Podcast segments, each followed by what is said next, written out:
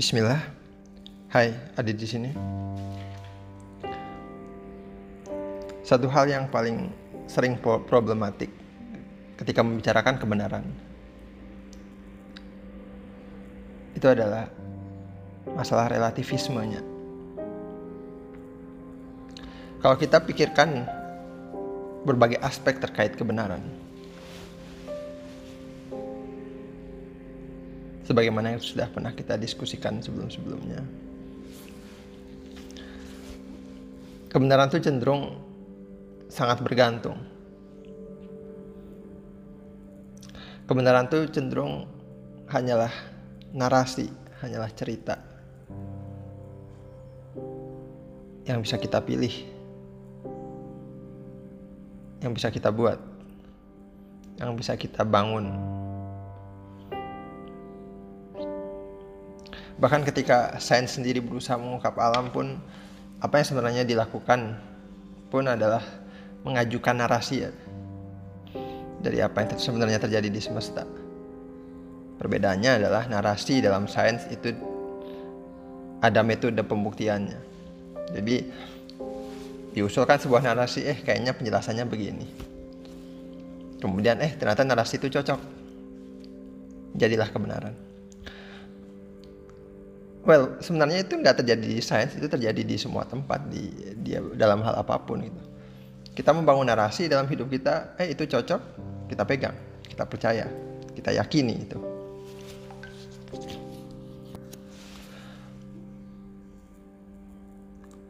Dalam hal ini kebenaran menjadi semakin terasa relatif bahkan sangat sulit untuk menemukan apa yang benar secara true gitu. True truly true. Benar secara benar. Karena pada akhirnya kalau kita lihat sumber kebenaran sendiri semuanya bergantung penerimanya.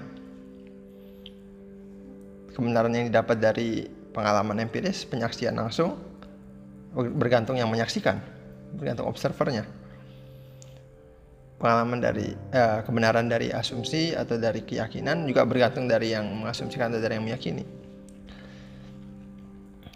Kebenaran eh, yang dari definisi apalagi itu lebih lebih parah karena definisi dikonstruksikan sangat eh, benar-benar dibuat dan itu sangat bergantung uh, sangat uh, uh, bergantung konteks dari uh, apa yang diucapkan itu apa yang dinyatakan. Kebenaran-kebenaran turunannya pun gitu. Misalnya penyimpulan deduktif atau penyimpulan induktif kan juga bergantung dari premis-premis yang digunakan. Atau kebenaran dari kabar itu bergantung orang yang kita yakini gitu. Pada akhirnya sumber, uh, kita sebagai manusia itu seperti selalu menemui roadblock gitu kalau kita berusaha mencari benar yang secara benar. Karena uh, kita cuma tahu dari perspektif kita sendiri gitu. Kecuali kita bisa keluar dari diri kita dan kemudian melihat segala sesuatu terlepas dari diri itu mungkin baru gitu.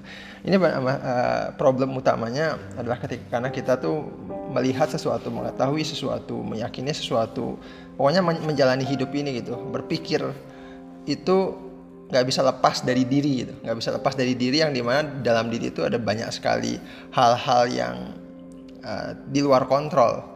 Uh, filter mental uh, pre preferensi persepsi kemudian bias kognitif dan banyak sekali. Itu semua nggak uh, bisa dilepaskan dalam diri manusia.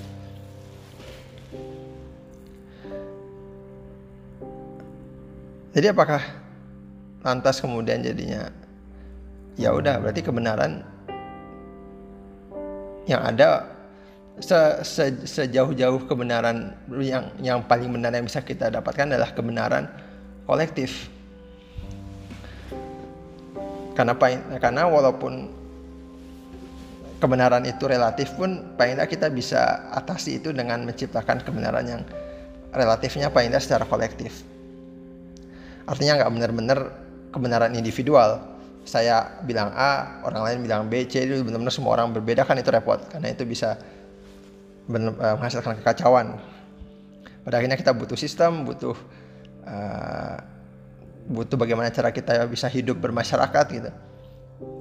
Makanya kemudian itu yang orang-orang gunakan sebagai kebenaran kolektif.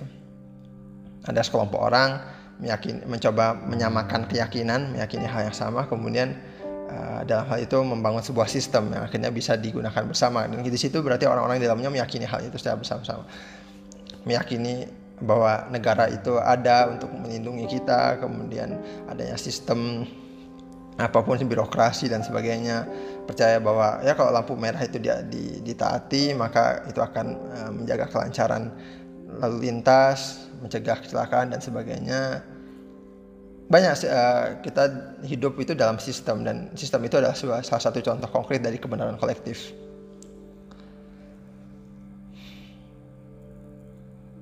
Tapi pada akhirnya ini uh, ya kita bisa mengajukan pertanyaan lagi apakah berarti memang benar-benar kebenaran itu memang sejauh itu yang bisa kita raih? Ya pada akhirnya kebanyakan orang sekarang kan uh, berhenti sampai di situ bahwa ya udah kita cuma punya kebenaran kolektif jadi gimana cara kolektifnya ini seluas mungkin. Artinya jangan sampai kebenaran kolektif ini hanya oleh segelintir orang hanya oleh sekelompok orang tapi kalau bisa oleh seluruh manusia gitu. Bagaimana cara seluruh manusia ini meyakini kebenaran yang sama? Dan kemudian itulah muncul beberapa aspek-aspek uh, yang dianggap universal gitu ya seperti ya uh, humanisme gitu bagaimana bahwa oh, kita paling tidak tidak seperti hak asasi manusia itu kan salah satu kebenaran kolektif. Kemudian uh, masalah sains sains juga mulai digalak dikampanyekan sebagai kebenaran kolektif gitu uh, tapi kalau sains caranya lebih rigid ya dengan metode ilmiahnya dan banyak pada akhirnya kita menetapkan itu sebagai kebenaran absolut kebenaran yang mutlak. Ya sekarang paling tidak kan uh, yang bisa dianggap sebagai kebenaran mutlak itu adalah matematika dan sains uh, atau hal-hal yang mendasar yang dimiliki oleh manusia gitu, bisa seperti hak untuk hidup.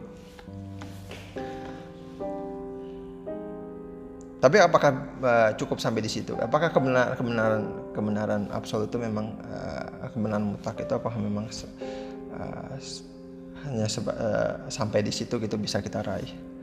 Tapi akhirnya memang uh, mempertanyakan mencari kebenaran yang absolut itu uh, di apa ya agak sedikit tricky dan bahkan mungkin uh, bisa dikatakan mustahil untuk benar-benar diraih uh, dengan apa dengan semua yang kita punya sekarang gitu.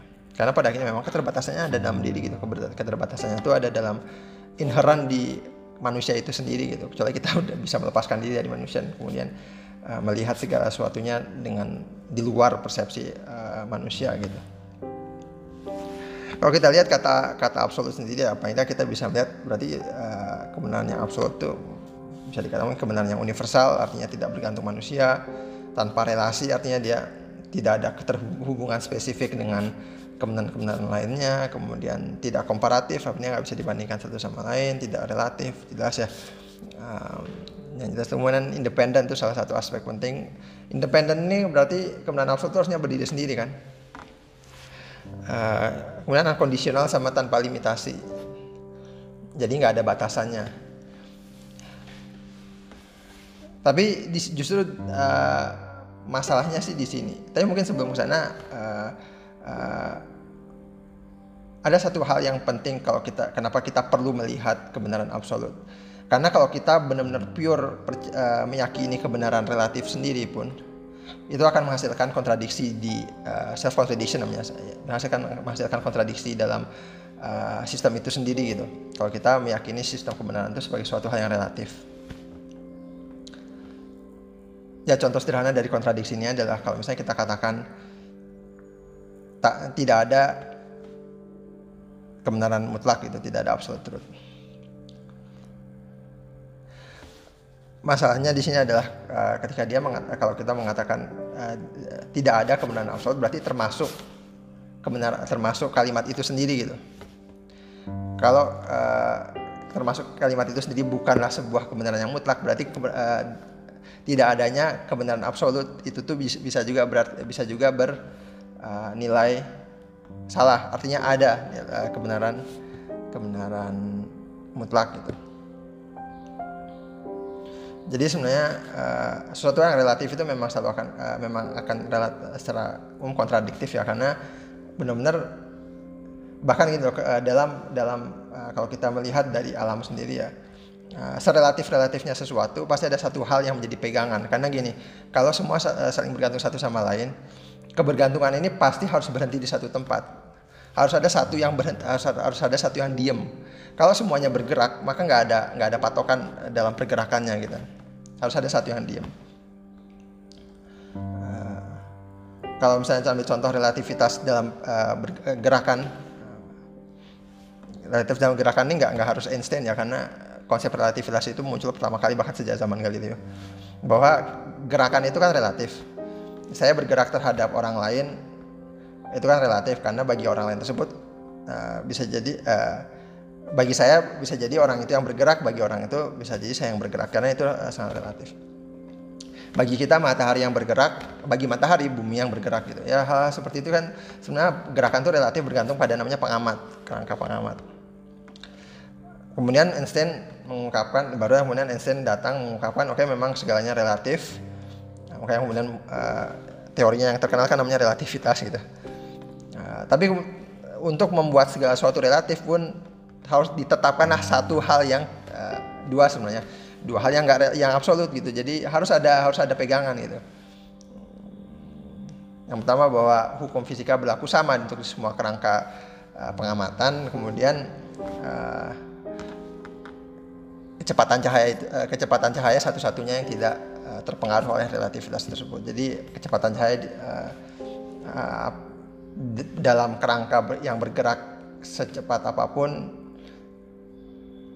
tetap kecepatan cahaya itu adalah selalu c. Gitu. Dan ini berlaku untuk banyak hal. Artinya kalau ketika ada muncul teori apa pun yang mengatakan hal yang relatif, pasti tetap harus ada satu pegangan karena uh, uh, bahkan walaupun pegangan itu adalah dari dari pengamat sendiri gitu. Bagaimana mungkin kita bisa tahu benda itu bergerak kalau nggak ada kalau nggak ada patokan. Jadi gini, definisi dari bergerak definisi bergerak itu definisi dari relativitas kan relatif itu kan melihat mengkomparasi kan jadi relativitas kan relativisme itu kan mengkomparasi relatif itu kan eh, comparable jadi uh, untuk bisa kita mengatakan sesuatu itu uh, relatif satu sama lain kan kita berarti membandingkan satu hal dengan suatu hal lain gitu nah ketika melakukan perbandingan uh, pasti ada satu patokan dasar yang menjadi patokan perbandingan karena misalnya gini contoh contoh dasar dari perbandingan adalah misalnya kalau kita mengukur gitu mengukur mengukur uh, berat gitu mengukur berat atau mengukur ukuran. Ya misalnya uh, bagaimana kita tahu uh, oke okay, semua ukuran planet itu relatif gitu. Ukuran planet relatif, tapi kan relatifnya terhadap apa kita harus uh, untuk bisa punya punya bahasa kasarnya mengurutkan atau membandingkan ya. Oke, okay, misalnya uh, baru kita bisa bisa membuat pengukuran yang jelas kalau kita tetapin misalnya oke okay, uh, ukuran bumi itu satu satu e misalnya. Ini bebas ya maka kita bisa katakan oh Jupiter itu sekian E gitu. Nah, Venus itu 0, sekian E karena lebih kecil dan seterusnya. Apa pun itu kalau kita melakukan pengukuran, melakukan melakukan penilaian, melakukan judgement, melakukan evaluasi, melakukan komparasi apa pun itu pasti kita butuh patokan dan patokan inilah yang menjadi uh, uh, apa namanya kebenaran absolut gitu. Jadi sebenarnya ke, uh, relativitas itu mengimplikasikan secara otomatis kebenaran absolut. Jadi mustahil ada relativitas tanpa kebenaran absolut. Justru itu suatu hal yang uh, two sides of the same coin. Jadi nggak uh, keben adanya kebenaran absolut mem memungkinkan adanya kebenaran relatif gitu. Karena ketika kita udah punya uh, patokan, maka kemudian kita baru baru bisa melakukan uh, perbandingan komparasi atau uh, melakukan hal-hal uh, relatif tersebut gitu.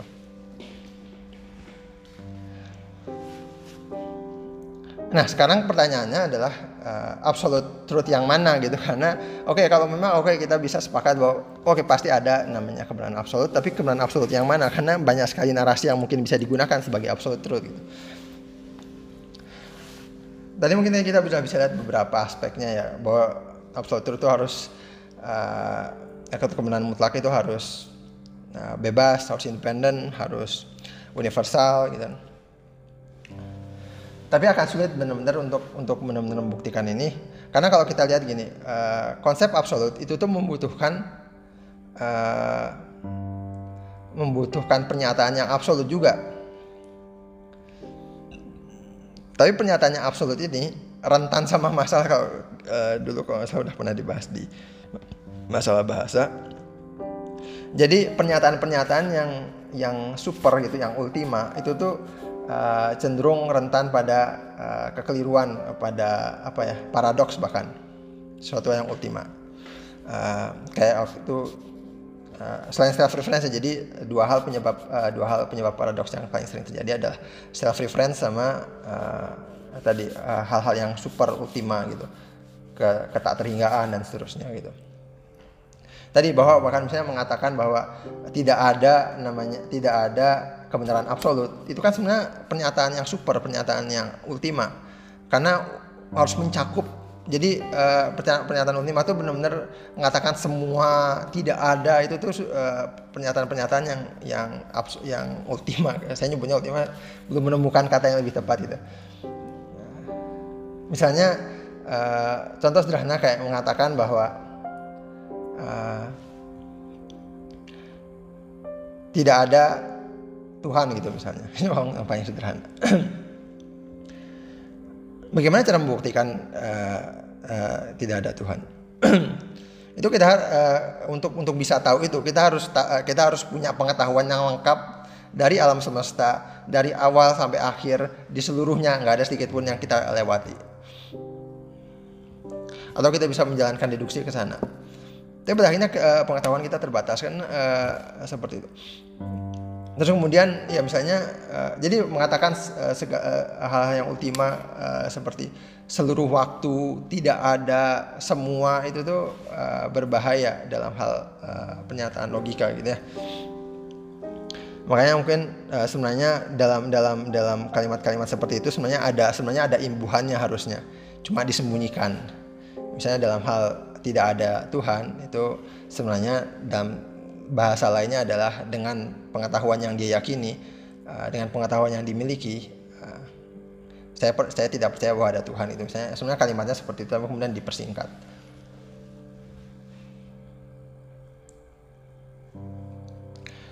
contoh contoh paling dekat dengan kita ada misalnya banyak orang kalau lagi depresi kan langsung mengatakan tidak ada yang mengerti sama aku gitu misalnya. Kalau misalnya dalam hal atau apa namanya semua orang uh, semua orang egois atau apalah misalnya hal, -hal yang kalau kalau kalau ungkapan-ungkapan orang-orang yang tapi sebenarnya itu kan hal-hal berbahaya seperti itu uh, mengucapkan kata semua atau tidak ada karena satu aja uh, ada counter example atau namanya saat counter example itu contoh penyangkal. Maka langsung gagal itu eh, pernyataan seperti itu gitu. Kata semua dan tidak ada gitu. Dan sayangnya tuh kita malah sering sekali menggunakan menggunakan kalimat-kalimat oh kalau bahasa logikanya mungkin lebih, uh, lebih bisa disebut kuantor universal ya. Jadi kata semua itu tuh kuantor universal. Uh, jadi suatu uh, pernyataan-pernyataan yang melibatkan kuantor uh, universal itu berbahaya gitu. Karena literally dalam dunia nyata itu kita harus membuktikan semua semua tidak ada satupun yang luput dan ini makanya kemudian dalam sains pun kita sebenarnya uh, kalaupun dalam sains uh, itu kita pernah menggunakan kuantor universal itu sebenarnya ada implikasinya itu uh, nanti kita kita kita bahas di masalah induksi lain waktu. Cuma kuantum universal itu hanya bisa dibicarakan dalam dunia logika yang uh, independen dari dunia real. Jadi pernyataan-pernyataan yang uh, seperti itu tuh memang rentan masalah. Tapi sayangnya kalau kita, kalau kita membut, uh, uh, menginginkan atau membutuhkan atau mencari namanya kebenaran absolut atau kebenaran mutlak, maka sih kebenaran mutlak ini kan kebenaran yang mencakup semua kan universal yang namanya juga kebenaran mutlak masa kebenaran mutlak uh, hanya berlaku spesifik ya berarti nggak jadi mutlak. Kebenaran absolut ini kan pasti harus harus harus harus uh, universal dan mencakup semua mencakup uh, segala sesuatu tidak bergantung independen tidak punya limitasi itu kan semua sifat-sifat absolut kan gitu. Tapi untuk untuk bisa menyatakan untuk bisa me, uh, menyatakan yang absolut itu berarti kan kita juga membutuhkan pernyataan yang universal juga kan. Dan namanya membuktikan atau mengetahui uh, kebenaran yang universal itu nggak mudah bukan nggak mudah lagi bahkan uh, bisa dikatakan mustahil. Bisa dikatakan mustahil uh, maka ini menjadi problem utama juga dalam kita mencari uh, uh, kebenaran yang absolut. Selain itu masalah kedua adalah uh, masalah bahasa uh, kalau kita berusaha mengungkapkan kebenaran absolut, kalau memang kebenaran absolut itu ada, berarti uh, anggaplah itu bisa diungkapkan dalam suatu kata-kata, dalam suatu kalimat misalnya. Tapi kalimat itu sendiri berga, uh, punya kata-kata kan di dalamnya ada kata-kata penyusunnya kan. Iya dan yang, dan yang namanya bahasa itu setiap kata-kata itu akan refer ke something yang lain gitu. Artinya apa?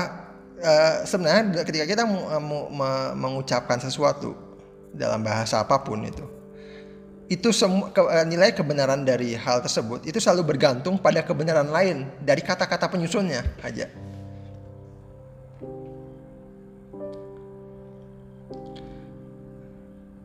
Contoh sederhana bahkan uh, mengatakan bahwa Tuhan itu ada gitu.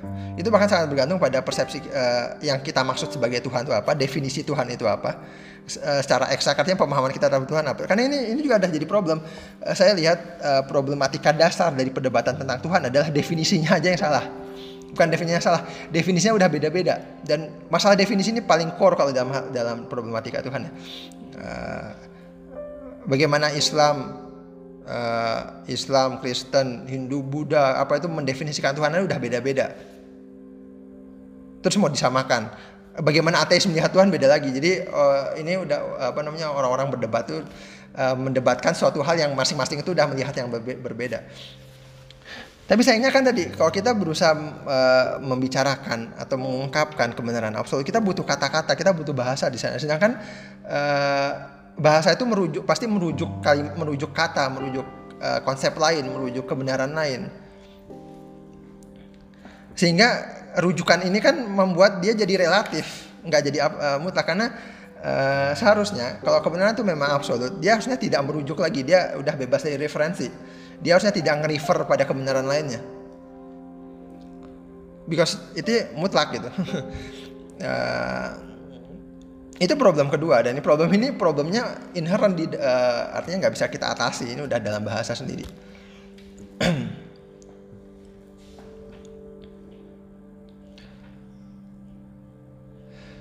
Terus kemudian yang ketiga.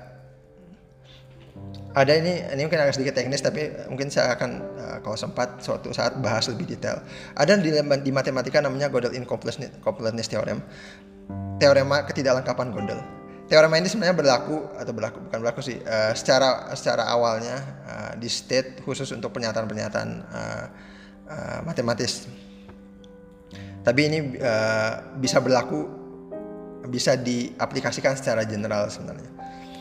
Karena gini, uh, ya teorema ini sebenarnya mengatakan ini bahwa tidak ada uh, kita mustahil menemukan suatu sistem ya suatu sistem matematis kalau ada aslinya suatu sistem pernyataan yang uh, lengkap dan konsisten sekaligus.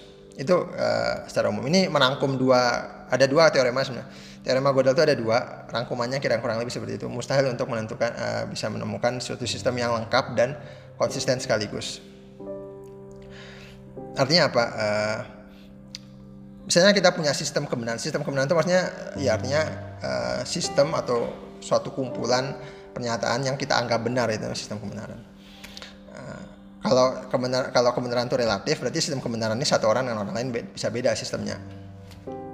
Kalau kebenaran kalau kebenarannya absolut berarti harusnya ada satu sistem di mana semua orang ini akan melihat sistem uh, kebenaran dari sistem tersebut uh, dengan cara yang sama. Artinya semua orang meyakini sistem yang sama. Uh, nah sistem ini uh, uh, salah satu cara salah satu syarat utama sistem itu agar bisa jadi sebuah sistem kebenaran adalah konsisten. Konsisten itu artinya eh, nggak uh, boleh ada yang artinya kebenarannya tuh saling didukung oleh satu sama lain itu. Jadi misalnya kalau bayangin sistem itu kumpulan pernyataan. Jadi semua uh, ketika satu hal dinyatakan benar, maka semua semua pernyataan lain da, di situ harus harus berisa, harus bisa mengimplikasikan pernyataan itu benar. Gak boleh ada yang mengatakan uh, jadinya kemudian menyatakan dia salah. Itu namanya kontradiksi. Ya, konsep kontradiksi itu kalau kita uh, kalau kita bisa menemukan suatu hal itu benar dan salah sekaligus, itu kan nggak konsisten namanya. Nah kalau kata Godel nggak uh, mustahil kita bisa menemukan suatu sistem yang lengkap dan konsisten sekaligus. Anggap kita bisa menemukan sistem yang konsisten. Tapi sistem yang konsisten ini pasti nggak lengkap. Nggak lengkap itu artinya apa? Pas ada suatu sistem, ada suatu kebenaran lain yang nggak bisa diari, nggak nggak bisa terhubung atau nggak bisa terkoneksikan, nggak bisa ber, uh, pokoknya ter, terpisah dari sistem yang kita punya. Pasti ada karena sistem kita yang kita punya nggak lengkap kalau kalau dia konsisten pasti nggak lengkap kalau dia lengkap pasti nggak konsisten gitu aja uh, kata Godel teh artinya apa selalu ada pernyataan logis yang kebenarannya tuh nggak bisa ditentukan uh, secara secara jelas gitu atau ada sistem, atau ada sebenarnya suatu pernyataan benar di luar sana yang nggak bisa dibuktikan dengan cara apa pun. Lalu terus gimana dong? ya di situlah datang makanya konsep uh, ya ini coba kita uh, resolusinya gimana kemudian dengan tiga tiga permasalahan ini ini baru tiga ya sebenarnya mungkin aja ada banyak permasalahan lainnya cuma yang terpikirkan yang paling mendasar dari masalah kebenaran absolut ini tiga ini bahwa uh, untuk bisa uh, kebenaran absolut itu cenderung uh, membutuhkan pernyataan-pernyataan yang pernyataan yang universal dan pernyataan universal itu cenderung uh, paradoksal, paradoksikal ya. Kemudian yang kedua bahwa secara bahasa kita akan sulit mengungkapkan itu, nggak bisa diungkapkan tanpa merujuk konsep lain. Yang ketiga uh, bahwa uh, kita uh, mustahil bisa menemukan sistem kebenaran yang konsisten dan lengkap sekaligus. Walaupun sebenarnya ada banyak keterbatasan lainnya, karena keterbatasan keterbatasan lainnya sebenarnya lebih ke keterbatasan pikiran ya yang udah pernah saya bahas di season 1 ya bahwa uh, kita, sebenarnya juga terkait juga sebagian di antaranya ya bahwa kita berpikir uh, bagaimana logika itu terbatas, bagaimana rasio itu terbatas dan seterusnya. Ya bahkan ter termasuk ras dalam hal rasio sendiri ya. Kita ketika kita membandingkan suatu hal dengan hal lainnya kita tuh pasti membutuhkan rasio yang bertahap uh, perbandingan yang bertahap. Nggak bisa uh, langsung ke super gitu apalagi untuk suatu konsep yang super. Tak terhingga itu makanya suatu konsep yang uh, incomprehensible dengan cara apa pun gitu. Uh, jadi hal-hal uh, kayak ketak terhinggaan selama lamanya seluruh universe seluruh semesta uh, bahkan Tuhan itu sendiri itu kan konsep-konsep universal konsep-konsep super ya. Itu nggak itu incomprehensible di kepala kita nggak bisa pasti ada batasan ketika, eh, ketika kita memikirkan itu pun pasti ada batasan kita ketika kita katakan selama lamanya itu tuh dalam pikiran kita nggak literally selama lamanya itu ada dalam suatu batasan tertentu karena pikiran kita nggak bisa nggak bisa selama lamanya itu emang emang kita tahu awal waktu kapan akhir waktu kapan Nah seluruh semesta emang kita tahu semesta itu sejak, uh, sejauh apa. Paling yang kita tahu kan semesta bagaimana yang kita lihat uh, secara empirikal. Lalu masalah Tuhan, Tuhan uh, tergantung definisi juga kan banyak kemudian oh, uh, bahkan pakai kata-kata. Contoh sederhana gini yang uh, sering uh, sering jadi masalah ada kalau masalah Tuhan ya. Tuhan itu defi, uh, salah satu definisi yang sering dipakai oleh beberapa orang terutama ateis adalah ya, Tuhan adalah ya anggap suatu entitas atau sosok being yang being yang uh, punya lima karakter misalnya. Salah satunya misalnya omnipresence atau om, uh, omnibenevolent, maha baik lah misalnya Ya kemudian uh, tapi yang maha-maha ini konsep-konsep maha itu kan konsep konsep super ya. Konsep-konsep super itu incomprehensible di kepala kita.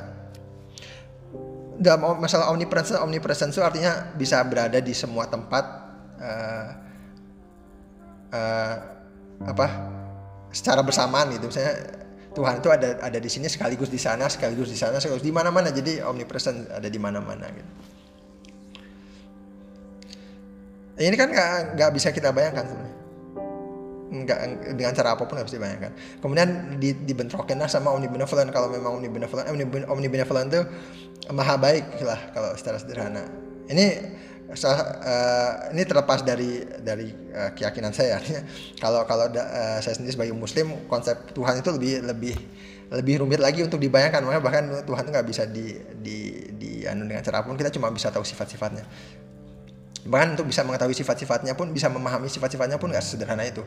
Konsep maha itu bukan konsep yang bisa diremehkan dengan cara apa pun. Itu nggak bisa dipikirin bahkan. Uh, maha apa pun lah mahanya mau apa pun yang ditempelin ke maha itu nggak bisa. Kecuali mahasiswa ya. Mahasiswa mah itu kerjaan istilah mahasiswa itu berlebih yang kerjaannya siapa yang bikin istilah. Ya konsep maha itu sebenarnya konsep yang uh, nggak yang di, apa pun yang ditempelin ke maha itu incomprehensible untuk dipikirin. uh, kembali ke tadi misalnya maha baik uh, kemudian kan masih dibentur dibenturin dengan problem of evil problem evil of evil itu bahwa kenapa masih ada kejahatan di dunia ini ya sederhananya gitu. Ya kalau uh, Tuhan maha baik kenapa kemudian uh, ada ada yang nggak beruntung ada yang beruntung? Kenapa ada yang dibiarkan menderita ada yang uh, disukseskan dan seterusnya itu menjadi akan terus dibenturkan itu nah, konsep uh, konsep Tuhan ini salah satu contoh paling konkret dalam permasalahan uh, uh, kebenaran mutlak karena uh, ini uh, ke, paling jelas, paling konkret, paling bisa kita lihat betapa sulitnya kita meng, me, mengolah konsep-konsep yang super karena Tuhan itu salah satu embodiment konsep konsep paling super yang bisa dibayangkan oleh manusia. Itu bahkan nggak bisa dibayangkan juga. Uh, Makanya bilang uh, mengatak uh, pada akhirnya mengatakan tidak ada Tuhan itu nggak apa namanya orang yang mengatakan itu nggak benar-benar nggak benar-benar uh, artinya adalah aku tidak ada Tuhan kayaknya pas uh, secara karena itu pasti illogical artinya nggak nggak logis mengucapkan tidak ada Tuhan. Karena untuk bisa membuktikan itu uh, membuktikan eksistensi, uh, membuktikan ketiadaan itu nggak sederhana. Nanti kita bahas ya. Bagaimana cara kita membuktikan ketiadaan itu uh, beda dengan membuktikan sesuatu itu ada ya. Membuktikan sesuatu itu, sesuatu itu ada, tunjukkan aja bendanya kan. Tapi kalau membuktikan sesuatu itu tidak ada gimana caranya? Nah, itu masalah juga. Tapi kemudian uh, uh, ini logikal karena untuk bisa mem, uh, mem memperjelas bahwa tidak ada Tuhan kita harus bisa punya pengetahuan yang lengkap terkait semesta ini dari awal sampai akhir. Itu pun kalau kita tahu awal sama akhirnya, kalau kita tahu setelah detail dengan, dengan, dengan. Makanya kemudian sebenarnya yang dilakukan oleh para ateis atau siapa pun yang menolak itu adalah uh, uh, bahwa itu di luar apa yang bisa diraih oleh metode ilmiah itu tidak relevan untuk dibicarakan. Jadi sebenarnya yang dilakukan uh, oleh orang itu dengan uh, bukan mendinai kebenaran absolut, tapi uh, kadang terkadang bahwa ke, uh, eksistensi kebenaran absolut ini kadang-kadang sudah menjadi sudah menjadi kepercayaan umum artinya uh, sedikit lah yang benar-benar menolak adanya uh, adanya kebenaran absolut bahwa pure relativitas pure relativisme itu uh, dikit orang yang seperti itu. Tapi kan masalahnya kan kebenaran absolut yang mana? Nah kebenaran absolut yang mana? Selama itu belum bisa diraih oleh uh, metode yang diyakini oleh semua orang. Jadi pada akhirnya dia tetap megang pada kebenaran kolektif. Jadi gini, uh, kita uh, kita harus yakini dulu ini menurut sebagian besar orang ya. Artinya uh, kita, kita yakini dulu kebenaran kolektif uh, atas apa yang bisa kita anggap benar dan apa atas apa yang kita anggap salah. Secara kolektif. Kolektif ini pun seluas-luasnya artinya kalau bisa kolektif seluruh manusia. Dan salah satu yang secara kolektif diyakini oleh seluruh manusia saat ini adalah metode ilmiah well mungkin nggak literasi seluruh manusia karena masih ada yang benar-benar benar-benar menolak kebenaran ilmiahnya. Cuma uh, salah satu yang bisa uh, yang yang yang yang sedekat mungkin dengan kebenaran kolektif itu adalah uh, metode ilmiah. Ya udah berarti uh, kemudian selanjutnya adalah kita pegang kita uh, menggali mencari kebenaran absolut itu ya udah bersandar pada kebenaran kolektif tadi. Jadi ini secara langsung uh, menolak dan menerima. Jadi menerima bahwa di luar sana ada kebenaran absolut. Tapi uh, hanya akan bisa menerima kebenaran absolut yang mana dari kebenaran kolektif. Which is kind of uh, well bisa nggak nggak ya agak kontradiktif cuma memang uh, ini permainan permainan untuk mengatasi keterbatasan tadi karena memang there's no way to to to find it gitu uh, kebenaran absolut Terus gimana dong kalau kalau memang kita nggak nggak bisa apa namanya mengatasi itu? Kalau memang itu masalah-masalah yang uh, masalah-masalah tadi nggak bisa kita nggak bisa kita uh, artinya itu um, apa temboknya itu sudah sudah ada di sana dan nggak bisa kita hilangkan gitu untuk bisa mengetahui itu. Paling kita uh, apa namanya harus melepaskan diri pada uh, sebenarnya ini uh, jawabannya agak sedikit ke mana-mana. Cuma ini uh, kurang lebih seperti ini ya. Pikiran kita terbatas yang jelas. Jadi kita nggak bisa mengandalkan pikiran kita karena tadi dan kita nggak bisa mengandalkan logika dan kita nggak bisa mengandalkan bahasa karena tadi keterbatasan ada di sana. Jadi semua keterbatasan itu ada dalam pikiran bah, uh, dan pikiran kita tuh ya tadi semua bergantung banyak hal, bahasa, rasio, logika dan seterusnya. Jadi kita nggak bisa mengandalkan itu. Uh, untuk khusus untuk kebenaran mutlak ya, kebenaran absolut. Jadi kita harus bisa harus harus memakai cara lain yang agak muter gitu dan agak muter dan dan pada akhirnya ini agak sedikit kontradiktif dengan dengan dengan uh, tujuan tujuan kita untuk mencari mencari sesuatu yang uh, universal diyakini oleh uh, bisa diyakini oleh seluruh manusia misalnya dan berlaku secara umum. Karena salah satu uh, uh, uh, salah satu sumber kebenaran yang bisa kita dapatkan adalah penyaksian kan. Ini salah satunya. Kita harus lihat ke dalam dulu. Kita mundur dikit. Dari sumber-sumber kebenaran yang bisa kita uh, kita ambil, itu kalau yang uh, basic itu kan ada tiga definisi, uh, asum, keyakinan atau asumsi, dan kemudian penyaksian langsung. Untuk untuk keyakinan atau asumsi kan kita nggak tahu datang dari mana artinya kita bisa ciptaan itu sendiri atau kita ngada-ngadain nggak bisa kan. Ini nggak bisa dipercaya. Definisi juga bergantung bahasa. Nah kemudian yang pertama yang penyaksian langsung. Penyaksian ini uh, penyaksian ini tuh sayangnya nggak bisa di nggak uh, bisa di, di diartikan atau dipahami sesederhana penyaksian empiris yang melibatkan indera-indera kita atau hanya uh, melibatkan objek-objek material, objek-objek fisik. Penyaksian ini bisa penyaksian beyond that gitu artinya yang imaterial yang uh, sifatnya bisa apa namanya ya superficial ya bisa bisa apa namanya di luar di luar yang alami gitu imaterial. Dan uh, penyaksian-penyaksian ini apa sebut penyaksian spiritual dan sebagainya itu bisa menjadi salah satu sumber kebenaran walaupun sumber kebenaran yang ini itu memang semakin sulit untuk dibuktikan karena untuk mencocokkan dengan uh, kebenaran yang lain. Untuk untuk bisa dicocokkan dengan uh, artinya gini kebenaran yang seperti ini sifatnya sangat, bisa sangat subjektif karena bisa jadi cuma satu individu yang mengalami jadi akan sangat sulit untuk benar-benar uh, mencocokkan itu karena bisa jadi kebenaran yang subjektif atau yang yang bersifat sampai individu itu bisa jadi terpengaruh oleh halusinasi uh, hanya sekedar apa namanya bayang-bayang artinya ya banyak sekali pengaruh errornya ya. Nah kemudian kita uh, muncullah uh, kebenaran uh, apa namanya sumber yang kedua yang yang yang apa namanya turunan tadi ya yang turunan kan ada uh, sorry kalau yang turunan kan sebenarnya pembuktian uh, pembuktian pe, penyimpulan dari kebenaran lain atau menerima dari orang lain gitu yang mengalami. Tapi mungkin ini akan saya bahas lebih detail lain waktu. Tapi pada akhirnya uh, satu-satu cara kita bisa bisa bisa bisa apa namanya bisa mendapatkan bisa berusaha sedekat mungkin dengan kebenaran mutlak dengan cara yang tadi adalah memastikan bahwa kebenaran ke, penyaksian yang tadi dilakukan yang dialami tadi itu benar-benar terbebas uh, artinya bisa paling tidak bisa di cross check dalam bentuk uh, umum dengan pengalaman lain.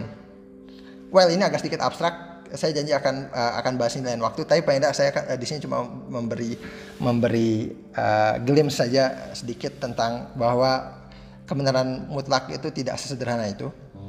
Terus bagaimana kita mengatasi ke kebenaran mutlak ini nanti uh, akan saya bahas lain waktu tapi benar-benar sangat spesifik uh, apa namanya pada suatu hal ya. Uh, untuk sekarang sekian dulu masalah kebenarannya memang rumit jadi tidak sederhana itu karena uh, kita memikirkan sesuatu yang di luar keterbat uh, di luar ke, uh, kemampuan atau kapabilitas kita sebagai manusia. Dan itu uh, terkadang itu jadi dua hal ya. Bisa jadi ego orang-orang jadi wah that's our power of as human. Di sisi lain itu juga seperti, seperti kutukan ya. artinya kita uh, kita harus bisa membatasi diri uh, terkait apa yang perlu dan ingin kita lakukan ya mungkin sekian dulu untuk uh, kali ini. Sampai ketemu di episode selanjutnya Semoga bermanfaat.